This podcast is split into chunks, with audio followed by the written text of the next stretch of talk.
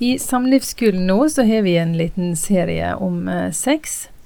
Og i dag så skal vi snakke om dette, Egil. Mm. Er sex et læringsområde? Er sex noe vi skal øve på? Ja, det syns jeg var et kjempefint ja. tema.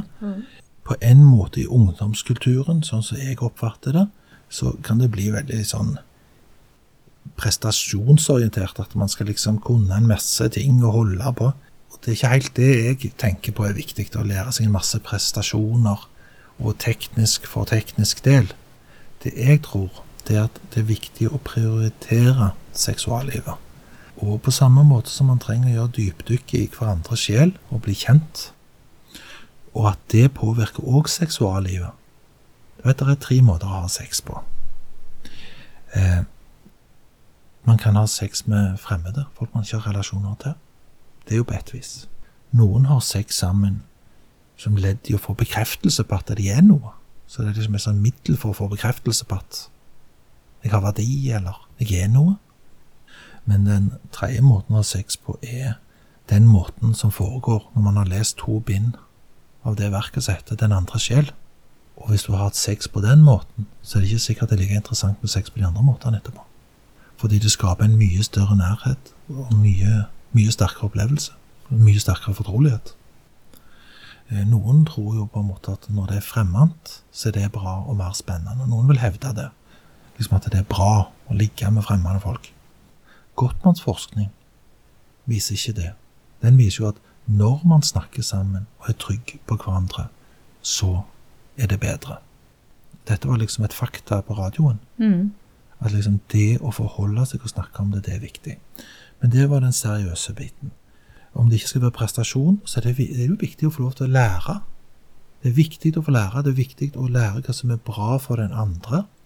Og det er jo eh, Det er jo litt sånn at man må gjøre ører av både kropp og alle sansene man har. Så må man eh, lage seg ører for å bli kjent med den andre. Hva som er godt for den andre, hva den andre lengter etter, eller hva den andre kunne være klar for, eller Og så må det være lov med lek og moro. Må, det, altså, lek og moro er viktig i et samliv. Mm. Ja, det kjennetegn på gode parforhold. Lek og moro. Men det er topp å ha litt lek og moro med seksualliv òg, og at det er trygt. Så det er bra med dialog. Så jeg tror jo at det å, det å få lov til å ikke bare tenke i hodet sitt sånne regler om at det er sånn det bør være, og sånn det ikke bør være, men at man kan snakke om det, om man vil utforske ting, eller ikke utforske ting.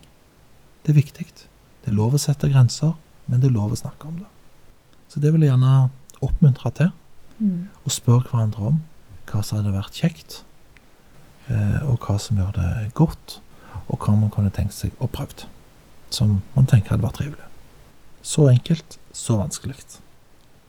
Hva mener du egentlig helt konkret, eh, Egil? Så, nei, så koselig spørsmål. Nei, men det skal jeg svare på. Jeg tenker at fra det mest forsiktige med at det hadde vært koselig å ha tekstmeldinger. Sant? At man kan liksom drive og flørte på tekstmeldinger Mm. på ulike vis. Det er jo kjekt for mange.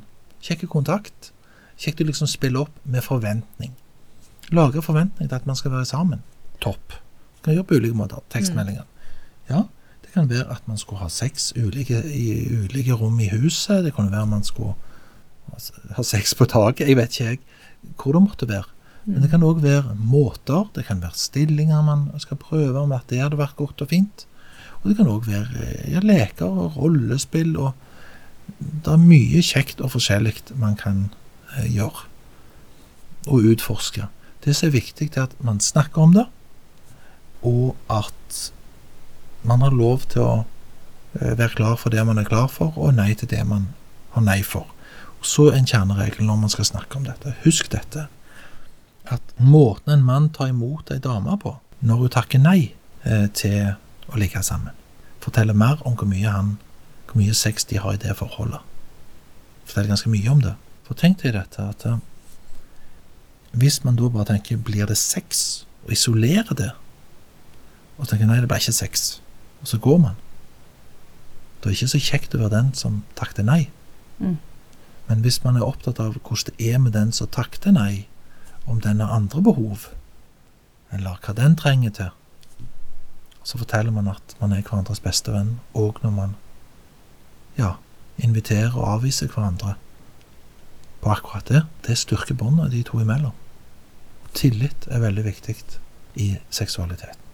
Og så må vi huske at eh, sex det er noe som er skapt av Gud, til glede for oss, i et trygt forhold. Sex er topp. Jeg har hørt at det var 40 års uh, aldersgrense på en tid i historien på å lese Høysangen, Ja. så, men eh, det er det ikke nå. Men, men sex er topp. Det er kjærlighetslim. Det, det knytter en sammen, og det er jo mange hormonelle forklaringer på er faktisk eh, tilfeller. Men kanskje det er i større grad knyttet sammen i stabile forhold. For det er litt sånn som andre ting, at uh, hvis det spres eller blir mye, Mm. så svekkes effekten av de hormonene.